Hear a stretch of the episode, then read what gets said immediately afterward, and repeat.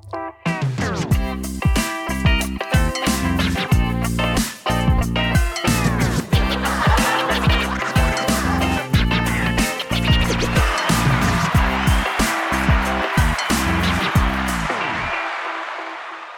Yes, hallo og hjertelig velkommen til eh, Vi må vel si den første liksom, skikkelige episoden av Tenneby og Stokkebekk podcast. Velkommen. Det er den første skikkelige episoden av Stokkebekk og Tennebøs podkast.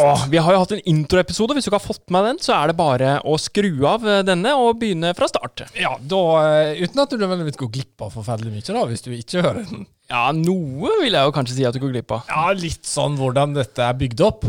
Ja. Ja. Men bortsett fra det Hva tenker du? Hva tenker du?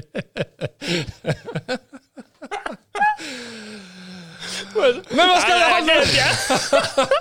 Nei, jeg er ikke, jeg er ikke helt enig i det. men Jeg tenker at du Jo, det må være det. Jeg, kan, kan jeg, jeg tenker at de går glipp av det. hvis de skal Ja, hvis det, er veldig, hvis det er veldig viktig for deg hvordan denne podkasten er strukturert, Så og har du gått glipp av noe. Ja, Og, og det er jo viktig. Og hvis du eh, ikke er helt sånn lurer på hvem er disse syke karene som sitter nå og bare fjaser, da gikk du glipp av noe Ja. også. Ja. Så jeg er egentlig enig med deg, Stian. Vi, du gikk glipp av noe. Ja, du gikk glipp av noe. Takk skal du ha. Ja. Men velkommen Eh, nå, iallfall. ja, Ja. og dette er en podkast om tro, teologi og strømninger i tiden. Yes. Og ellers egentlig hva som måtte falle ned i hodet på oss. Ja, Dette er store spørsmål som vi er opptatt av, og som jeg tror ganske mange er opptatt av. egentlig, Og så skal vi innom ulike temaer eh, rundt omkring. da. I dag, eh, Stian, hva er temaet i dag? I dag eh, skal vi snakke om gudsbilder, så det er bare å glede seg.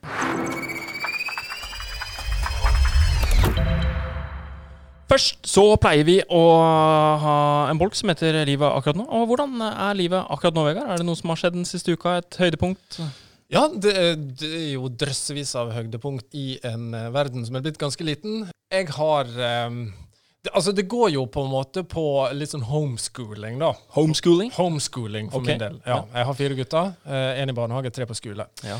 Eh, det her har gjort at jeg er, jeg er blitt enormt imponert over, og har fått eh, enda større beundring enn jeg hadde før, for lærere. Oh, ja. Lærere. Så det er ikke lett å undervise fire stykker på Nei. Nei, det er på ingen måte eh, lett. Når en skal kombinere ulike alderstrinn med uh, ulike modenhetsnivå og ulike fag samtidig, så føler jeg at jeg bare går i en slags skyttel mellom det ene og det andre, og kjenner at uh, du verden, er det mulig å ta pedagogikk intravenøst, f.eks.? Det har jeg tenkt hver gang i løpet av denne veka her. Ja. Det hadde vært deilig. Og så har jeg også fått et lite blikk på at jeg jeg har, jo jeg har tenkt at jeg er en ganske tålmodig mann. Men er du det? Nei. det er ikke det. Nei. Det, det, går, eh, det går fort i svart, så jeg prøver å kamuflere med å springe ut på altanen og drikke litt kaffe. Ja. Og så kommer jeg inn igjen som et smil, da, og sier 'Hvordan går Som det, en gutta?' solstråle. Som en solstråle, ja. ja. Så det har vært eh, min uke. Ei vandring i eh, stor, stor respekt for læreryrket eh, generelt, og lærerne til mine gutter spesielt. Og en erkjennelse av at jeg er ikke så tålmodig som jeg trodde. Det var egentlig min, eh, oppdagelse denne uka. her. Bra. Tusen takk. Eh, jo, du, for min del så eh, Det er ikke sikkert alle der ute kan eh, kjenne seg inn i, i mitt høydepunkt, men jeg er helt sikker på at mennesker fra Sunnfjord, fra Førde spesielt, kan eh, relatere til dette. Og okay. mitt desidert største høydepunkt eh, denne uken har vært at eh, liksom høyde av re, faktisk. At Oi. vi har hatt et par dager med sol. Har dere hatt et dager? Yes! Det er høydepunktet ditt. Og det har altså vært helt fantastisk. Du kan tenke deg du har gått og svulpa gjørme nå i månedsvis hele vinteren. Bare slaps. Og så får vi altså et par dager her med, med sol. Og det er, det er helt fantastisk. Man føler seg som et uh, nytt menneske. Utrolig. Uh, ja. Så det er mitt høydepunkt denne uken. Fantastisk. Gratulerer, Stian. Tusen takk. ja. Med sol på kroppen. Sol på kroppen. Jeg, Jeg har si- fått litt farge. og Ja, jeg ser skulle til å si du er blitt veldig brun. Ja. Ja, men dette Bra. er fint. Vi kjører på. Dagens tema Guds bilder.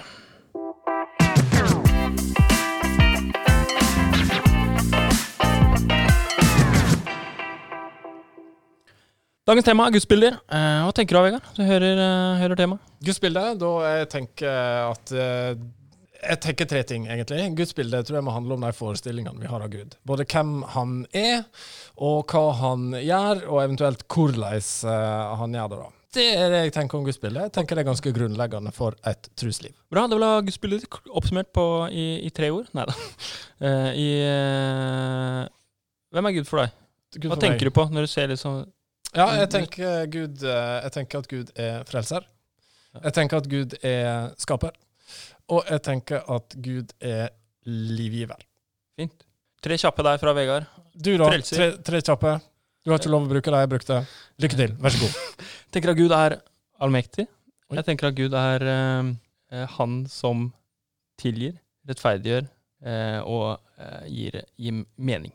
Skaper mening i, i min tilværelse. Kult. Ja. Det er litt stille da at vi sa nå egentlig tre helt forskjellige ting, begge ja. to. Men at alle de tingene som nå er sagt, er Du tok de best, best Nei, det var tull. Det, det, var, det, var, fine ting. Det var ja. viktige, store ting. Ja, jeg syns det. Jeg syns det. Mm. Um, jeg tror det florerer av gudsbilder der ute. Mm.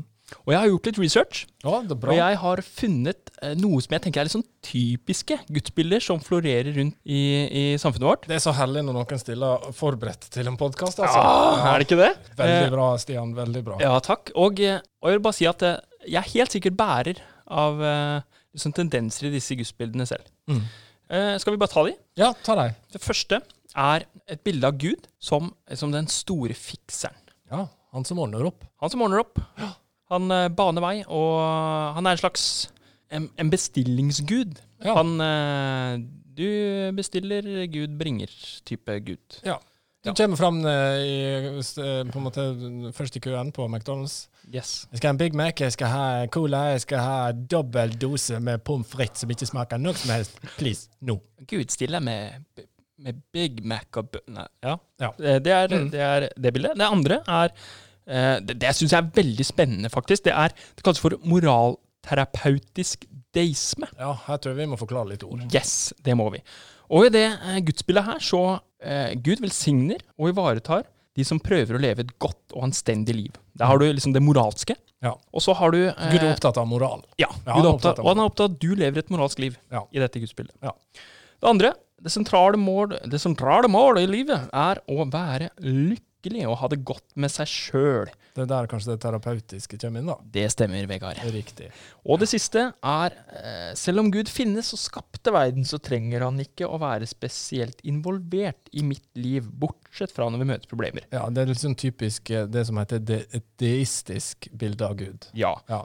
Gud er, eh, han skapte verden, men har nå på en måte trekket seg tilbake, og vi må klare oss sjøl. Ja.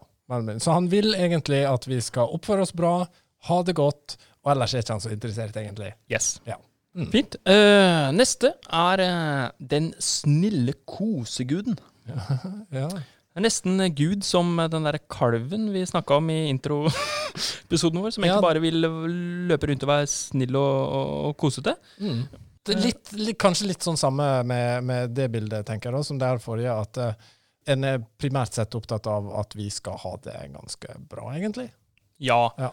Og, og, jeg tenker at kommer det sider av Gud som er så vanskelige, så Nei, vi, vi heller bare vi, vi, tenker på Gud som det, det, ønsker vi ikke å forholde oss til. Ja, nei. Neste er eh, en gud skapt i vårt eget bilde. De glir jo liksom litt over i hverandre, de her. Ja. Eh, men det er liksom, eh, men det er nyanseforskjeller. Ja. Det bildet jeg har av Gud, det kan være helt forskjellig fra ditt, men begge er nødt til å være like sanne. Det er en sånn tanke på Uh, erkjennelsesteoretisk relativisme. Altså uh, okay. den Gud, eller det som er sant for meg, er sant for meg, og det som er sant for deg, er sant for deg. Ja, det kan jeg, det kan jeg kjenne igjen. Ja. ja. Det kjenner jeg veldig ja, godt igjen, faktisk. Ja. Uh, siste? Nei, ikke siste, vi har så mange. neste er den strenge guden. Ja. Det er egentlig en, ja, det siste, en streng gud. En sånn gammel gnyter som sitter oppe ei sky og Kommer en sånn lang, eh, knokete knote, kno, pekefinger. på en måte. Sånn. Knotefinger, ja. ja. Knotefinger, pekefinger. Ja. ja. Den som er ute etter å kritisere og dømme, og det blir aldri bra nok, egentlig, eh, hva enn vi gjør. Nei. Nei. Uh, neste, og siste, er den lunefulle guden. Oi. Den er... som er litt vanskelig å vite hvor du har. Ja. Um, og jeg tenker at, og det er gode grunner til at uh, denne guden også uh, At det er mange som har et bilde av Gud som en lunefull gud. Okay. Ofte så tror jeg vi eh, kobler gudsbildet opp mot eh, f.eks. Eh, mor og far. Ja.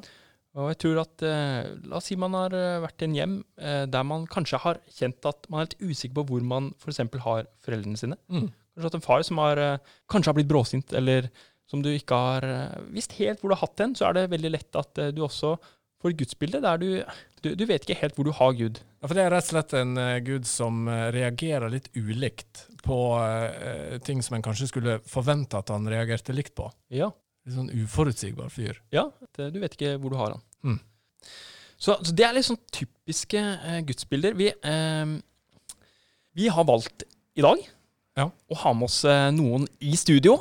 En gjest, rett og slett. En gjest. Jeg løy litt, han er ikke i studio, men han er med oss er eh, med på oss. telefon. Mm. Eh, og eh, vi har med oss Kjetil Wessel Haga, som jobber som bibelskolerektor på Bibelskolen i Grimstad. Velkommen. Takk for det. Hjertelig takk skal du ha, Stian og Vegard. Eh, kan ikke du fortelle litt sånn kort om deg selv? Hvem er du? Jo, det kan jeg gjøre. Jeg bor i Grimstad, så jeg sitter nå i Grimstad nå. og Til daglig så arbeider jeg som rektor på bibelskolen i Grimstad. Så det er det som er, er jobben min, da. Ellers så bor jeg jo i Grimstad her og trives godt her med min familie. Bra. Temaet i dag er eh, gudsbilder. Er det noen typiske gudsbilder du kan trekke fram som du liksom møter eh, på en bibelskole i dag? Ja, jeg, jeg tenker jo gudsbildet er jo noe du egentlig som, som vokser gjennom hele livet, og alle har Selv om det er fellestrekk, så er det jo veldig forskjellig når du kommer litt nærmere innpå det. og eh, Det kan handle om hva slags familie du kommer fra. Har du, har, kommer du fra en, en familie hvor, hvor, eh, hvor det har vært litt sånn utrygt hjemme, da? Så, så har du kanskje, ser du mer på at Gud kanskje er litt mer sånn lunefull, eller du, du er litt sånn ute der. Hvis du har den type bakgrunn. Eh, Men hvis du er sånn mainstream, da, som, som stort sett har hatt det ganske greit, så, så vil jeg si at kanskje det som er Det er to ting. da. Det ene er kanskje det vi kunne ha kalt uh, liksom fikseguden. Mm. Det er det Helge Simones eh, betegner en, et gudsbilde som at, at du har en forventning om at Gud fikser opp i ting. At hvis du ber til Gud, så fikk jeg bønnesvar om det og det og sånn og sånn. Det kan være sånn helt banale ting. Det kan gå på sånn ja, jeg husker, så, ba, så mistet jeg mobiltelefonen i do, og så ba jeg til Gud, og så fiksa han, så virka den likevel. Altså sånn veldig grunne ting, da. Mm. Ikke sant? Det er det mange som trenger å få en justering på. Det, det kan henge litt sammen med curling-tanken også. Så sånn curlingguden, om du vil. Altså fikseguden, curlingguden sammen. Litt som at du forventer at Gud ordner opp. At Gud svarer på det jeg ber om, slik at Gud virker. I kombinasjon med at du kanskje har vokst opp der, der foreldrene har vært veldig opptatt av å feie curlingbanen, sånn at livet går ganske smooth. Ja. Men vil du-. Men vil du si, Kjetil, at, eh, at et sånt fikse Gud-bilde, er det feil? Er det usunt? Er, det, er ikke poenget med å tro at en nettopp kan ha en gud som griper inn og ordner opp? Jeg tror det er ganske feil, ja. Eh, På den måten at jeg tror ikke at Gud er en gud som på en måte ordner opp, eller som feier. Eller, eller for å si det sånn, Per Gynt snakkes om at han gikk alltid utenom, ikke sant. Mm. Når det kom et problem, så gikk han utenom det som var problemet. Men, men når du leser Bibelen, så, vil du, så stiger en gud frem som ikke tar deg uten det som er vanskelig, men som tar deg gjennom det som er vanskelig. Som ikke nødvendigvis bare fikser opp, men som kan også vende det som du har med deg i historien eller de vonde tingene til noe godt. Fordi alle ting tjener for det gode for den som elsker Gud. Du, du snakker om eh, disse to eh, gudsbildene som liksom typiske eh, nå. Men eh, hvis du ser de siste eh, fem, seks, sju årene, har eh, gudsbildene forandra seg? Er det trender som har forandra seg? Ja, det er, det er et bra spørsmål. Jeg har ikke sett en sånn veldig dreining, men jeg har nok en, en opplevelse at, at det har blitt forsterka dette her med at det er et veldig behov for en gud som skal vise at han er til. At Gud må bli bekrefta. Eh, hvis vi skal tro på en gud, så må han må bevise at han faktisk gjør noe ekstraordinært, sånn at jeg kan tro på han. og Da blir vitnesbyrdene fort kan man vise til bønnesvar eller gjerne helbredelser eller ekstraordinære ting. Mm. At det er en sånn greie for, for unge mennesker. Det, det tenker jeg er blitt nesten litt sånn forsterka. Altså, ungdom, eh, eller unge voksne i dag, i større grad er ute etter en gud som på en måte må demonstrere at han er til? Er, er det det du Ja, jeg, jeg syns å se det at det er en sånn, sånn, veldig sånn lengsel etter å se at Gud virker. At Gud bekrefter seg, at han virkelig er til. Og da må det gjerne være et eller annet eh, bønnesvar eller ekstraordinært. fordi at de meste andre tingene i livet er på en måte opplagt i vårt sosialdemokrati. Mm. Og Da blir man opptatt av å, å få bekreftelse på Guds gjerninger på en eller annen måte. da. Eh, og at det blir riktig fremfor å tro at det er en gud som er med i både onde og gode dager. Jeg har en uh, sånn krass påstand, um, og det er at uh, vi lever i et sånt forholdsvis, i hvert fall, um, narsissistisk samfunn. Uh, vi, vi, er opptatt av oss selv i stor grad. Vi, liksom, en tid hvor selvrealisering skal liksom hele tida klatre i eget liv. Hvordan er det det her narsissistiske samfunnet preger gudsbildet vårt? Er det mulig å si noe om det? Ja, men jeg tror det er et ganske sånn stort spørsmål. fordi jeg tror nå er ikke jeg noen ekspert på dette, men jeg har lest en del artikler om det. og jeg tenker at Det ser ut som at det har vært en sånn samfunnsmessig stor utvikling fra å gå fra altså Du går helt tilbake til reformasjonens tid, hvor, hvor Luther var opptatt av hvordan kan jeg finne en nådig Gud. Opptatt av hvordan skal jeg komme til rette med min skyld. Har det gått i en retning der en etter hvert, særlig etter andre verdenskrig, har, har kommet mer der folk begynner å kjenne på en sånn tomhetsfølelse, fremmedgjøring, identitetsspørsmål. Før så mm. var det liksom, liksom Jeg satt i bondesamfunnet og rollene var ganske definert. Det var min plass. Og så kommer, kommer det i ubalanse med at samfunnet den, altså forandrer seg. Og Da ble jeg ikke så opptatt av skyld lenger, men, men liksom, da kommer disse skamproblematikken. Følelse av at noe er galt, vanskelig å sette fingeren på det. Hvem er jeg? Duger jeg? Liksom, identitetsspørsmål. Eh, og ut av det så, så, kan psykologene snakke om en sånn fremvekst av en narsissistisk kultur som er veldig hvor vi blir veldig selvsentrerte. Det er opplevelsen kan oppleves som ganske sånn fragmentert. Det store bildet, liksom, hva er det jeg skal med livet mitt, det, det mangler. Altså, også, Istedenfor at du har en sånn definert rolle om hvem jeg er i en større sammenheng, så får du en sånn følelse av tomhet og meningsløshet. Da kommer noen disse narsissistiske trekkene i, i, i, større eller mindre grad frem. Altså, veldig stort behov for, for å få bekreftelse. Um, jeg vil gjerne være stor, men jeg føler meg verdiløs. Jeg kjemper liksom med et sånn indre tomrom, men jeg vil gjerne prøve å få noen andre til å fylle det. Altså, det er en sånne trekk som er, er ganske som du kan gjenkjenne da, mm. uh, i en sånn selvsentrert uh, kultur. ikke sant? Og da blir, da, Det preges også gudsbildet, for da tenker du at ja, men det er akkurat som sånn, noen av disse narsissistiske trekkene. Hvis de får tilbakemelding, så er det akkurat som det bare forsvinner ned et dypt hull. Og hvis Gud han må liksom oppfylle mine ønsker av alle slag Jeg trenger ikke noe tilgivelse som en skyld lenger, men jeg trenger mer forståelse av hvem jeg er. Altså, det er noen sånne sånn større trender der Gud blir på en måte en som skal fylle mine behov mer enn jeg er en Gud som jeg må komme til rette med fordi jeg er en synder. Og, det er klart, Da blir jeg i fokus. Hva er det jeg kan få ut av det? Gud, hvordan kan du bekrefte at du eksisterer? Den type eh, holdninger eller liksom, noen av disse tingene som ligger dypt i oss, preger også da måten hvordan vi tenker at Gud må svare på mine behov. Istedenfor at jeg på en måte kan være takknemlig for det han har gjort. Er det, er det mulig for oss, øh, tenker du, å ha et, et riktig bilde av hvem Gud er? Ja, jeg vil utvilsomt si ja på det. Men, og det, det er egentlig begrunnet i Johannes 1, 18. Altså, ingen har noen gang sett Gud, men den enbårne som er Gud, og som er i fars havn, han har vist oss hvem han er. Altså, hva betyr det? Jo, det betyr at, det er Jesus. Hvis vi ser hvordan, hvordan Gud er, så er det han som har vist oss hvordan Gud er. Hvis du ser på hvordan Jesus møtte mennesker, hvordan han gikk frem her i verden, så får du et, et, et helhetlig og riktig bilde av hvem Gud er.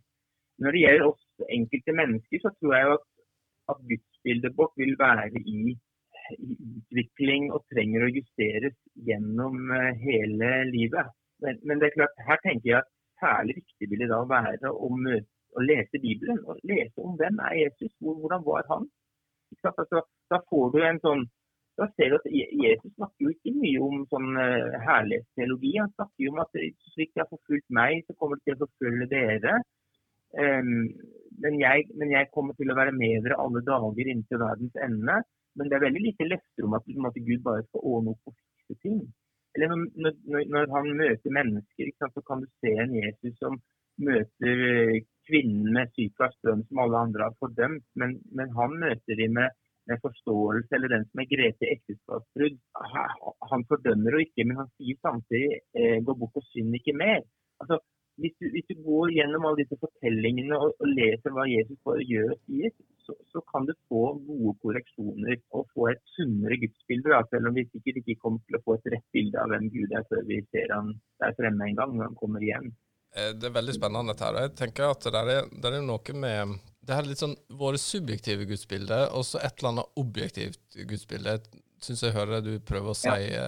noe noe om det, Kjetil. Og du snakka om at det er mulig å få korrigert gudsbilder. Hvordan kan en bevege seg fra denne anklageguden, eller bare denne bekreftelsesguden, inn til det du kanskje sier er et sunnere gudsbilde? Ja, jeg tror at det i veldig stor grad handler om relasjon.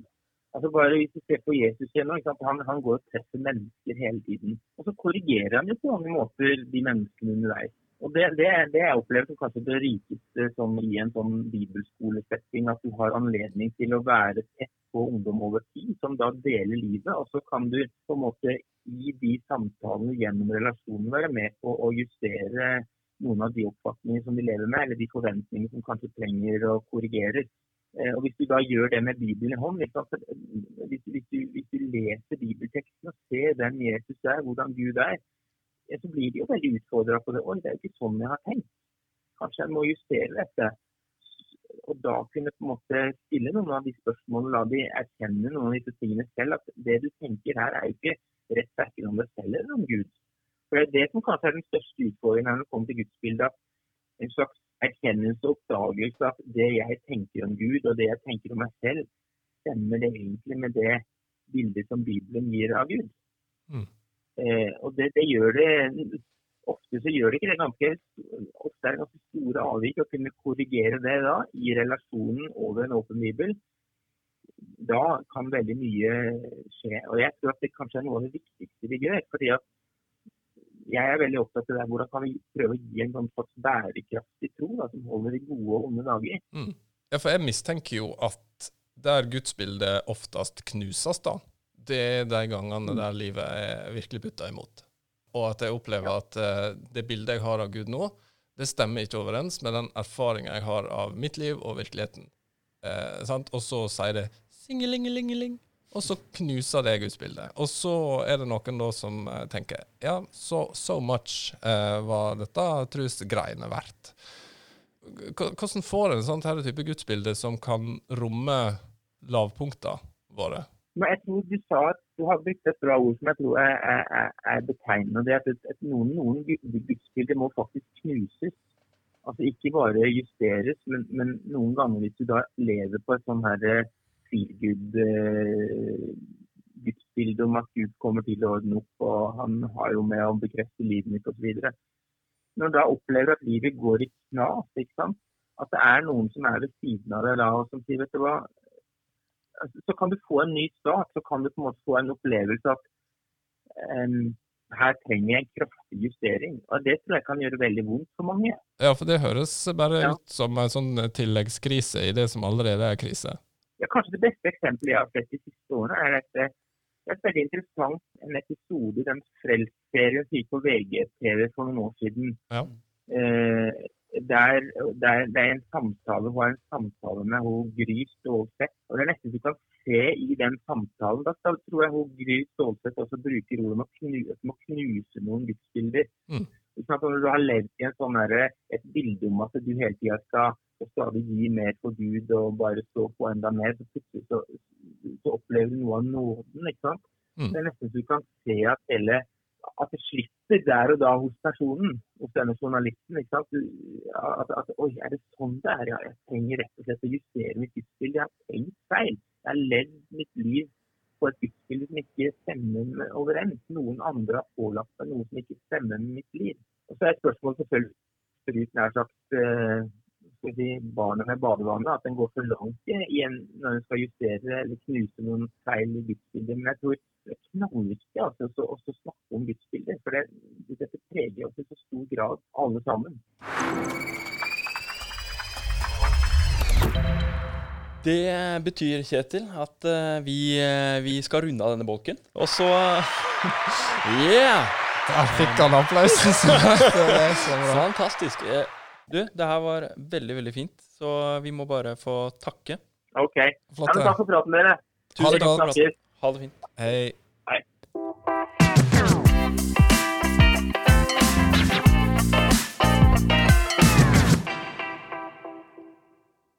Vi skal eh, innom eh, noe av det vi, vi har det veldig gøy med myteknuser her i studio. Eh, og Spesielt du, Stian, liker godt dette segmentet. Har jeg en følelse av. Ja, jeg er veldig glad, men eh, jeg velger også å tro at Vegard er like, syns det er like morsomt som jeg syns. Jeg syns det er stas. Ja. Jeg er ikke bare lojal. Jeg syns det er stas. Ja, takk. Og uh, ukas myte er som følger. Gud har den perfekte plan for ditt liv. Gud har den perfekte planen for ditt liv. Er det hot? Er det not? Er det sant? Er det ikke sant? Er det godt, er det snott? Er det Ja. Eller grunnen til at det her er en myte da, som vi tar opp, er Ja. fordi jeg opplever å har ha hørt det masse. Du hører de taler. Ah, Gud har den perfekte planen for ditt liv. En som gjør det, det er å finne ut hva det er. Og eh, jeg ser det på Facebook i innlegg. God has the most amazing plan for you. Fantastisk engelsk der. Your best life is now. Yeah. Yeah. Og så tenker jeg, ja, på sett og vis, det kan jo være en eh, god ting. Jeg, jeg tror jo at Gud har en plan for livet vårt. Jeg tror at det er en mening med at vi er her. Så sånn sett så er det jo en god ting. Vi er ikke her og løper rundt som sånne meningsløse Ja. eh, Yeser. ja, yes, yeser. Vi løper ikke rundt som yeser. Yeser. Yes. Men vi er eh, Ja, jeg tror det er en mening eh, med, med at vi er her. Men hva tenker du? Har Gud en perfekte plan for eh, livet vårt? Hvis vi tenker at med perfekt så mener vi det som realiserer alle mine drømmer og forhåpninger og alt jeg ønsker og vil her i livet mitt, så tenker jeg nei. Gud har ikke en perfekt plan sånn sett. For eh, altså, jeg tipper Gud har en plan som blant annet kommer til å herpe litt opp i det som du skulle ønske skjedde hele tida. Men hvis vi tenker at eh, den perfekte planen handler om det Gud tenker er det perfekte, da, så er vi kanskje eh, mer inne på, inne på noe, da. Men- Men, jeg, Er ikke, er ikke utrolig Jeg blir så sliten, da. Må jeg liksom lø... Må jeg gå og gruble i ukevis på å finne den derre eh, Sånn Guds vilje, da? Eller jeg bare når, for Ofte når jeg hører Ja. taler om Ja. at Gud har en plan for livet, så, Mm. så er det ofte blir sånn veldig sånn derre Og det er nesten så folk er sånn derre Å nei! Jeg, jeg, sånn at jeg håper jeg kan bli kalt langt ut i Ja, sånn. misjons... Eller ja. Snakker om Guds plan for livet vårt, så er det, det er fort at det blir liksom så, så snevert, da. Eller at eh, hvis Gud har den planen for deg, da Eller enten så har Gud den planen for deg, Mm. så har han ikke noen spesiell plan. Nei. Ja, nei, men jeg, jeg ser den. Jeg tror jeg har jo operert sjøl med liksom to ganske romslige kategorier i forhold til hva som jeg, jeg er helt sikker på er Guds plan for oss ut ifra Bibelen. Og det handler om at jeg tror ganske bestemt at Gud kaller oss til seg sjøl. Mm. Så Det vi belegger f.eks. med når Jesus kaller til seg disiplene sine, og kaller noen apostler, f.eks. Så kaller han dem for at nummer én, de skal være sammen med han. Mm. Og så kaller han dem også for at han skal kunne sende dem ut. Altså, Der er en eller annen jobb å gjøre i denne verden. her. Det er et oppdrag å være bærer av i denne verden. her. Og de to tinga de tenker jeg handler om Guds plan med livet vårt. Å være med Kristus, være med Jesus, og å gå fra Jesus med det Jesus har gitt oss, ut i verden. Mm. På ulike måter. Men du har jo eh, også, Stian, noen, eh, Ja, jeg har- det er en noen grunn til at jeg- noen rom. Ja, eh, jeg er jo veldig glad i å ha noen knagger å henge ting på. For min del, mitt Ja. hode funker sånn at hvis jeg får noen knagger, så, så Eller mitt hode funker mye bedre da. Men da blir det Eh, lettere å Ja, forholde seg til. kanskje. jeg, hvis Gud har en plan for livet mitt, Ja. så tror jeg at det må se sånn her ut. Og det er ikke så lett for dere der ute i de tusen hjem å se akkurat uh, hvordan det her ser ut, men det ser ut som at jeg tror at vi er kalt til å leve i flere rettferdighetstyper. Hva er rettferdighet? Rettferdighet handler om, i denne konteksten, å stå i rett forhold til Ja. noe. Ok? Mm. Uh, og, det, og det er fire knagger. Okay? Fire knagger. Det første er politisk rettferdighet. Altså, jeg er kalt, og Gud har en plan om at jeg skal leve i rett forhold til samfunnet. Ja. Ok? Det er nummer én. Det er nummer én. Som innebærer f.eks. Uh, følg norsk lov. Følg norsk lov. ja. Nummer to seremoniell rettferdighet. Oi. Vanskelig ord. Veldig uh, vanskelig, men det er ikke, det er ikke så verst uh, likevel. Eh, har du rett forhold til kirkelige praksiser? Til kirkelige praksiser, faktisk. Ja. Og det er litt sånn enda lettere forklart. Tilhører du et fellesskap? Ja. Går du en menighet? Mm. Gir du tiende? Aha. Eh, Ja, sant? Mm. Sånne ting. Mm. Så er det det tredje, er lovens rettferdighet. Lovens rettferdighet. Har du rett forhold til de ti bud? Sant? Ja. Eller stjeler du og slår i hjel og, øh, og så videre. Og det siste er troens rettferdighet. Okay. Jeg er kalt til, og Gud har en plan om at jeg skal leve i rett forhold til Kristus ved tro. Troens rettferdighet. Ja. Politisk rettferdighet, seremoniell rettferdighet, lovens rettferdighet, troens rettferdighet. Yes. Og det som er litt morsomt med disse, Ja. er at eh, tre av de er aktive. Altså tre av de er mitt ansvar. Ja, jeg tror jeg veit hva for tre du mener.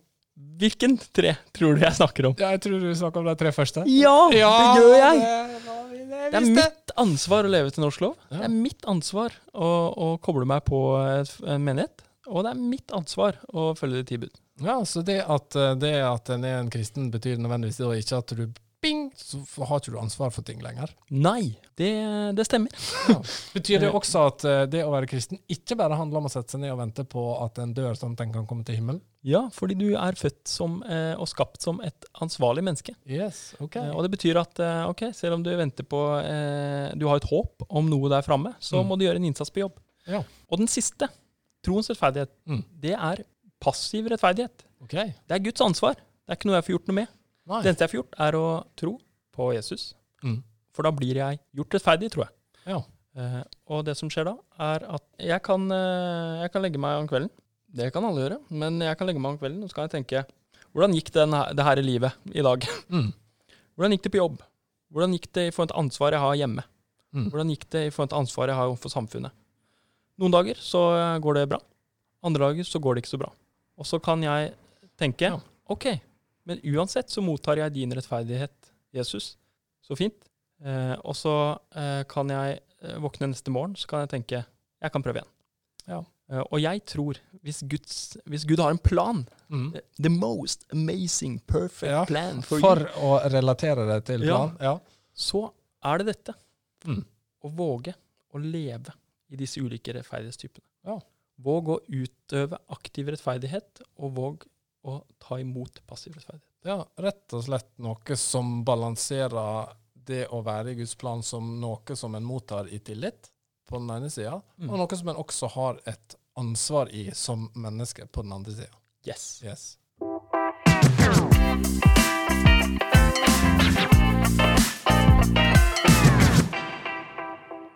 Ja, da er det for oss å øh, gå inn i bolken. Hva gjør vi med det her? Hva gjør vi med dette her? Gudsbilde.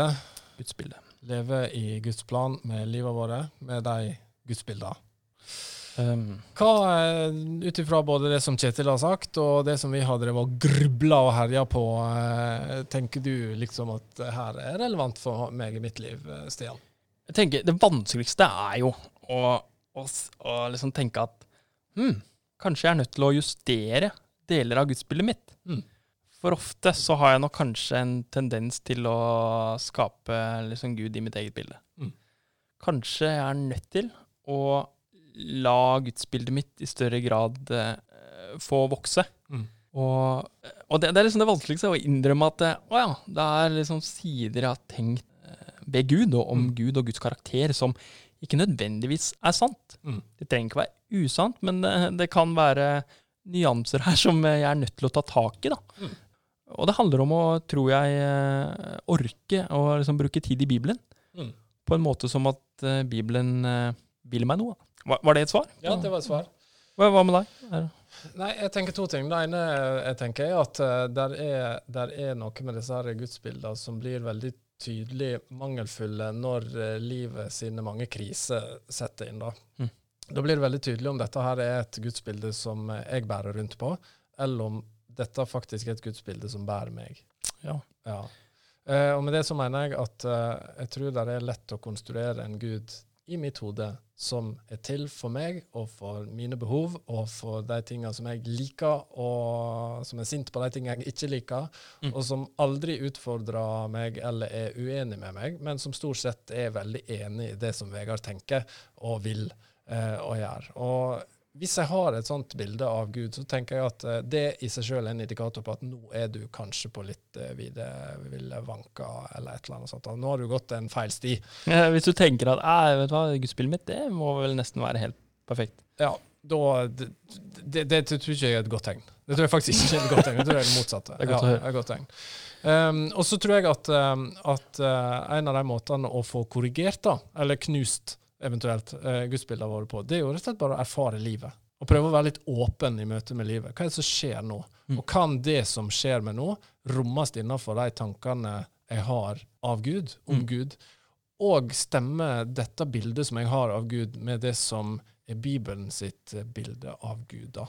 Mm. Så jeg tror jo at en av de viktigste og kanskje beste måtene vi kan få et godt og rett og uh, sant gudsbilde, for jeg tror det er noe som er et sant gudsbilde, det er rett og slett å forankre det i, i Bibelen. Ok. Ja. Mm.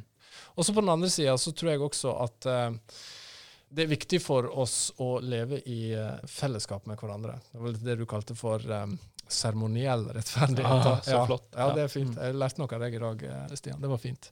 Men, men, men den tanken om at du, Gud er mye større da, Mm. enn det jeg erfarer han til, å være, eller opplever han å være. Mm. Men at andre med sin personlighet og med sin historie opplever kanskje sider ved Gud som jeg ikke har tilgang til på annen måte enn å være i fellesskap med deg. Mm.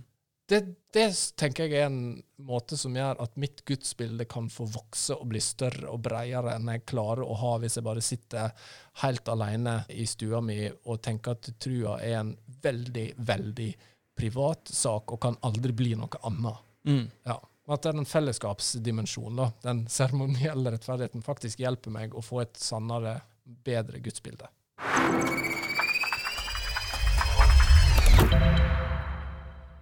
Vi eh, vil takke for denne gang.